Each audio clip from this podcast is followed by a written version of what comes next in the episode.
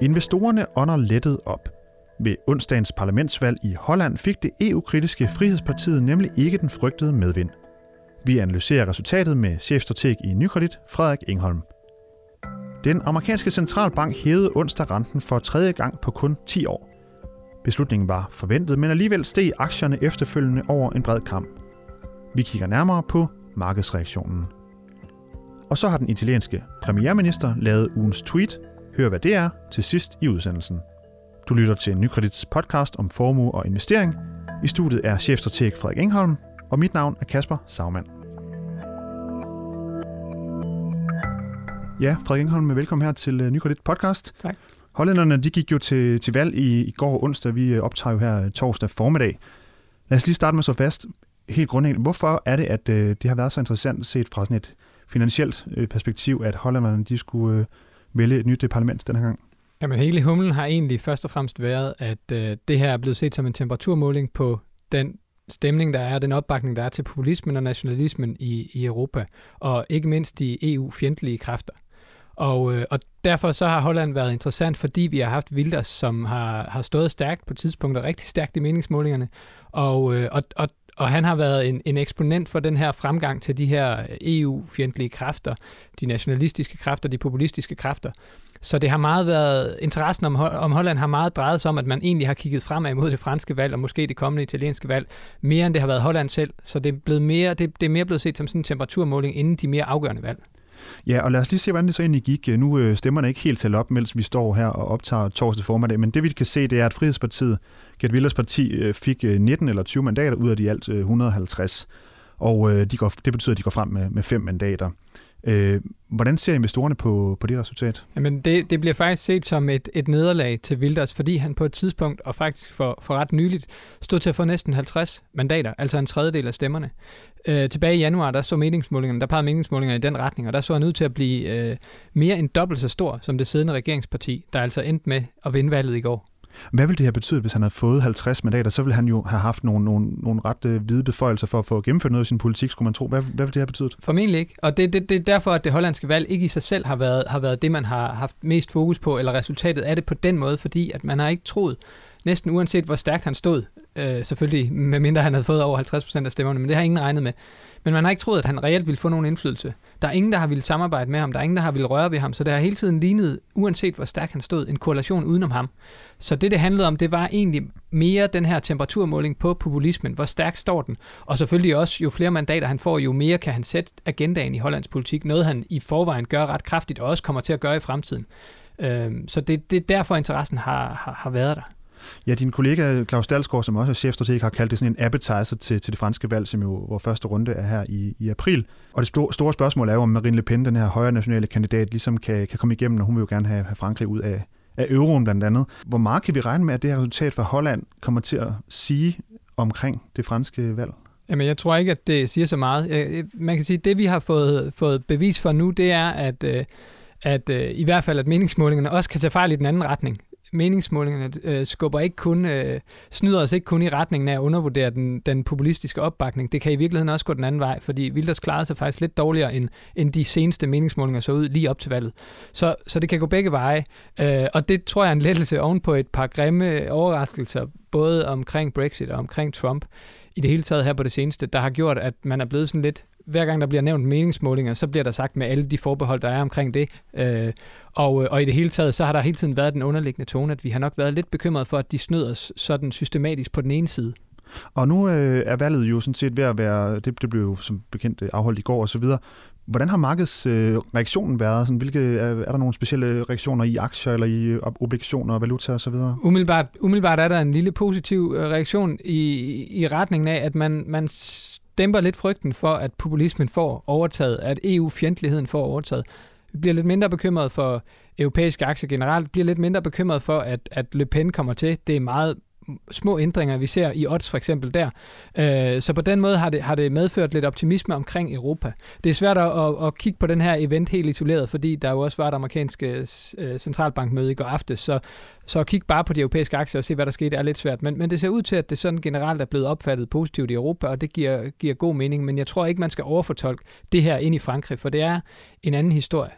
Så hvis man skal koge det her ned, øh, det her valgresultat for Holland, koge det ned for, for en danske investor for eksempel, hvad, skal man være glad eller, eller knap så glad? Ja, for det synes jeg, man skal være. Jeg, jeg, jeg mener stadigvæk, at de kræfter, der er på spil, øh, der, der ikke vil samarbejde, der ikke vil EU, jeg tror, at de er skadelige for væksten på, på mellemlang sigt. Jeg tror, at det er meget svært for nogle af de her centrale lande i Europa at trække sig ud af samarbejdet. Øh, især fordi det typisk også vil betyde, at de trækker sig ud af euroen, uden at det fører til ret voldsom finansiel turbulens på markederne og, og i banksektoren i Europa. Og derfor så skal man være, i min optik, positivt øh, overrasket over for, øh, eller i hvert fald indstillet over for alt, der trækker i den modsatte retning. Og så skal vi videre til dagens øh, andet emne. Øh, der har været en anden stor begivenhed i den her uge øh, i USA. Den amerikanske centralbanks øh, pengepolitiske komité besluttede i går at hæve øh, renten. Øhm, og det er jo en begivenhed, som er blevet fuldt øh, meget nøje verden over igen. Lad os lige prøve også at starte med at sige, hvorfor er det, at den amerikanske ledende rente den er så, så interessant? Jamen, amerikanske renter er i det hele taget det, som, det, som er to, de, de renter, der er toneangivet i verden. og der kigger man som regel på de lidt længere renter. Det er dem, der har større indflydelse på, hvordan vi fastsætter andre og aktiver, de, herunder, herunder, herunder aktier. Og, og det er de 10-årige og 10 op til 30-årige renter? Ja, det kan også være 5-årige, men altså øh, ikke, ikke de helt korte renter, som er, som er dem, centralbanken styrer. Dem styrer de egentlig typisk for at prøve at påvirke de andre renter i økonomien. Øh, så, så, så den amerikanske centralbanks indflydelse på, hvor, hvor renterne skal være hen i fremtiden i USA, øh, er stor, og, øh, og, øh, og, og, de, og, og, og de renters betydning for andre øh, aktiver, også vores renter her i Europa øh, og i Danmark, og dermed også boligpriser, som også er afhængige af, hvor renterne ligger hen, øh, det begrunder den betydning og den opmærksomhed, der er omkring det møde, hver gang det, det, det afholdes. Ja, fordi nu, nu hæver de jo så renten fra, fra med 0,25 procent øh, op til det her interval, der hedder 0,75 til 1 procent. Og du, du nævner selv i Europa. Forventer vi, at der kommer til at ske en, en, en reaktion i Europa øh, som modsvar på det her? Nej, men den europæiske centralbank ligger et helt andet sted, men, men, men uanset hvad, uanset hvor vi ligger i Europa, så når den amerikanske centralbank piller ved renterne eller ændrer forventningerne, fordi det er måske vigtigt at have med i den kontekst her, at det, der var det spændende på mødet i går, var ikke, om de havde renten. Markedet havde indpriset det 100% mere eller mindre, så der var ingen overraskelseseffekt i, at de hævede renten. Og vi så faktisk, at netop de 10-årige og de 2-årige amerikanske renter faktisk faldt, fordi det, der var det det, der var det bemærkelsesværdige, var, at centralbankchef Yellen faktisk kom ud med nogle ret, hvad skal man sige, sådan bløde, forsigtige kommentarer i forhold til deres øh, intentioner om at hæve renten i fremtiden.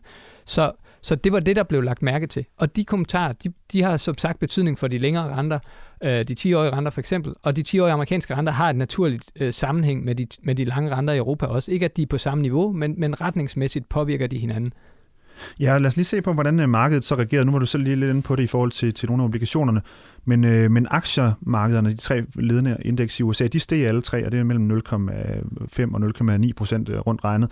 Øh, hvorfor ser vi den stigning, når den her øh, rentestigning var øh, fuldstændig priset ind øh, af hele markedet? Jamen det er netop fordi, at, at de signaler, Jellen giver om pengepolitikken i fremtiden, de er ret, de er ret forsigtige eller af, afventende, så hun, hun lægger ikke op til, at de, skal, de har travlt med at hæve renten. Og man havde egentlig regnet lidt med, at på baggrund af nogle ret stærke nøgletal, og måske også på baggrund af nogle af de løfter, Trump er kommet med, som endnu ikke er blevet til virkelighed omkring stimulans til økonomien, at det kunne føre til, at centralbanken var blevet lidt mere aggressiv i, sin, øh, i sit syn på behovet for, for rentestigninger fremover. Så hvor mange skal vi lave resten af året, og hvor mange skal der laves i 2018? Og der lagde centralbankchef Jellen op til, at, øh, at de er stadigvæk meget forsigtige. De ser stadigvæk et inflationspres, som, som er tiltagende, men stadig lidt lavt, og der er stadigvæk behov for, og det slår hun ret klart fast, der er stadig behov for at hjælpe øh, økonomien med lave renter, og, og tilpasningsperioden vil stadigvæk være lang og langsom. Og det er, det, det er noget, som aktiemarkedet generelt godt kan lide. Altså lave, lave øh, renter støtter aktiemarkedet generelt, så derfor så øh, omfavnede øh, markedet generelt den bevægelse. Og det vi kan se, nu var jeg lige og kigge lidt i, i, i historiebøgerne, han har sagt, at vi, øh, hvis man går lidt tilbage øh, og kigger fra 1971 til 2017, så er den gennemsnitlige, øh, den her rente, som nu er 1%, den har gennemsnitligt i den her lange periode været på 5,81. Så man kan sige, selvom den øh, renten nu steg her i den her uge, så er det jo stadigvæk på et helt vildt lavt niveau, sådan overall, historisk set i hvert fald. Øh, man kan jo næsten synes, at sådan en rentestigning her virker lidt ligegyldigt set sådan et, lang, et langt perspektiv. Øh, hvad, hvad tænker du om det? Ja, men det, og det er også rigtigt, at de små øh, bevægelser er ikke, er ikke, den enkelte rentestigning er ikke det, der er afgørende. Det, der hele tiden er afgørende, det er, om, man kan, om, om centralbanken formår at guide markedet rigtigt i forhold til sådan forventninger til fremtiden. Fordi de, de, de 5 og 10-årige renter, som jeg siger, er afgørende i forhold til mange andre virksomhedernes investeringsbeslutninger. Øh, lidt længere renter er afgørende for, for, for økonomien, øh, og, og de 10-årige renter har en betydning for, hvordan man prisfastsætter aktier, blandt andet.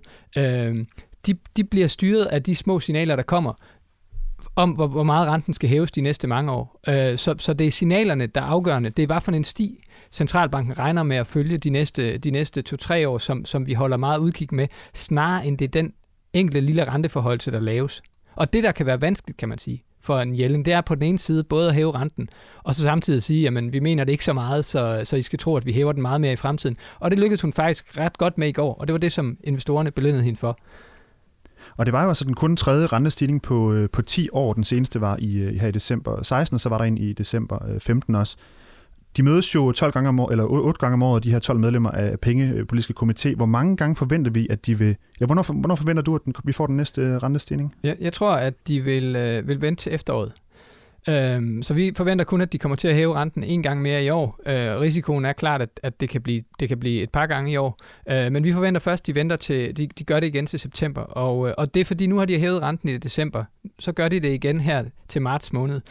Hvis de gør det igen til juni, og de vil gerne bruge de her tre måneders intervaller, fordi der er en pressekonference på de møder, så det er derfor, der er en præference for at hæve på de rentemøder. Øh, så har de gjort det tre gange i træk med tre måneders mellemrum, så bliver det sværere og sværere for dem at tale sig ud af, den, at markedet skal begynde at forvente, at de har tænkt sig sådan i al fremtid at hæve med tre måneders mellemrum. Og det er faktisk noget mere, end de selv forventer at gøre lige nu. Så derfor så tror jeg, at de gerne vil, øh, vil udskyde det næste renteforhold til lidt, lidt længere, for ikke, at få, for ikke at påvirke markedsforventningen i en retning om, at nu kommer de bare hver kvartal per automatik. Og en af de primære grunde til, at de hæver renten, det er jo blandt andet, øh, sagde Jellen også direkte, at, at fordi at vi ser en meget stærk beskæftigelse i USA. Øhm, hvordan er udsigterne på den front? Jamen, det der, det der er, hvad kan man sige, sådan den, den underliggende øh, diskussion øh, inden, for, inden for Fed, det er jo, der på den ene side er nogle meget stærke nøgletal, der er meget stærke beskæftigelsestal, der på et tidspunkt, hvis det bliver ved, sikkert giver anledning til en stærkere inflation.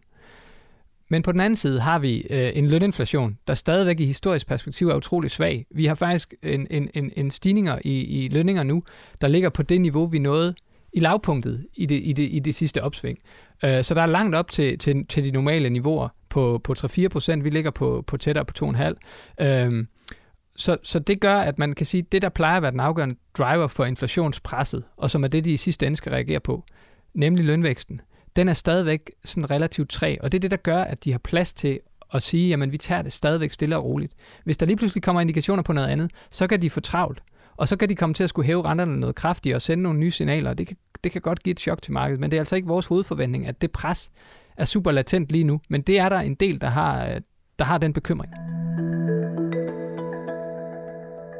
Og så øh, kårer vi jo altid også lige ugens tweet her i, øh, i podcasten, og øh, i den her uge der er det som den italienske premierminister, der har gjort sig fortjent til, øh, til, den, øh, til den udmærkelse. Hvad er det, han har skrevet, og det var som, som reaktion på, på valget i Holland. Hvad var det, han, øh, han var ude at skrive? Han starter med at skrive no exit, altså ikke noget hollandsk exit. Fra EU. Ja, og så skriver han, så skriver han anti-EU højrefløjen har mistet, eller har tabt valget i Holland, øh, så siger han, at øh, øh, fælles øh, øh, fodslag til at ændre og revitalisere øh, unionen. Så han, han, han, han slår på det her som, som et, et tab til Wilders, selvom han gik frem, men det er jo i kraft af, hvordan Wilders så ud for noget tid siden, og han tager det som en, en sejr for, for pro-EU-fløjen. Og det gør han, øh, fordi der i Italien er en meget stærk debat lige nu, ikke så meget om, om øh, ikke, ikke kun om EU, men også om euro-medlemskabet i det hele taget, en, en debat, der faktisk øh, blusser op. Og, øh, og Gentiloni der, som er midlertidig regeringschef, han står, han står som, som, øh, som midlertidig overtager af Rensis parti. Øh, for den linje, der er, der, der er lagt i det parti, nemlig en, en, en, en pro-EU, en pro-euro-linje, og, øh, og frygter den her, den her øh, grillofløj, der gerne vil noget, noget andet og, og, og truer øh, eurosamarbejdet. Så det, er, det bliver brugt i et, i et indrigspolitisk spil som et argument for, at øh, indrigspolitisk argument øh, ind i Italien, hvor den her euroskepsis er, er, er stigende. Og faktisk så ser vi Italien på sigt som en større trussel end Frankrig, fordi den økonomiske udvikling er så svag, og den svaghed øh, har det altså med at, at, at kunne, kunne gavne de sider, de, de fløje, der gerne vil gøre op med det eksisterende system, her med euroen, øh, i højere grad. Tak for de øh, ord, øh, Frederik Engholm. Du har lyttet til øh, Nykredits podcast om øh, formue og investering. Du kan følge os hver uge på nykredit.dk eller på iTunes, SoundCloud, Stitcher og TuneIn. Og så kan du følge Frederik Engholm inde på Twitter. Tak fordi du lyttede med.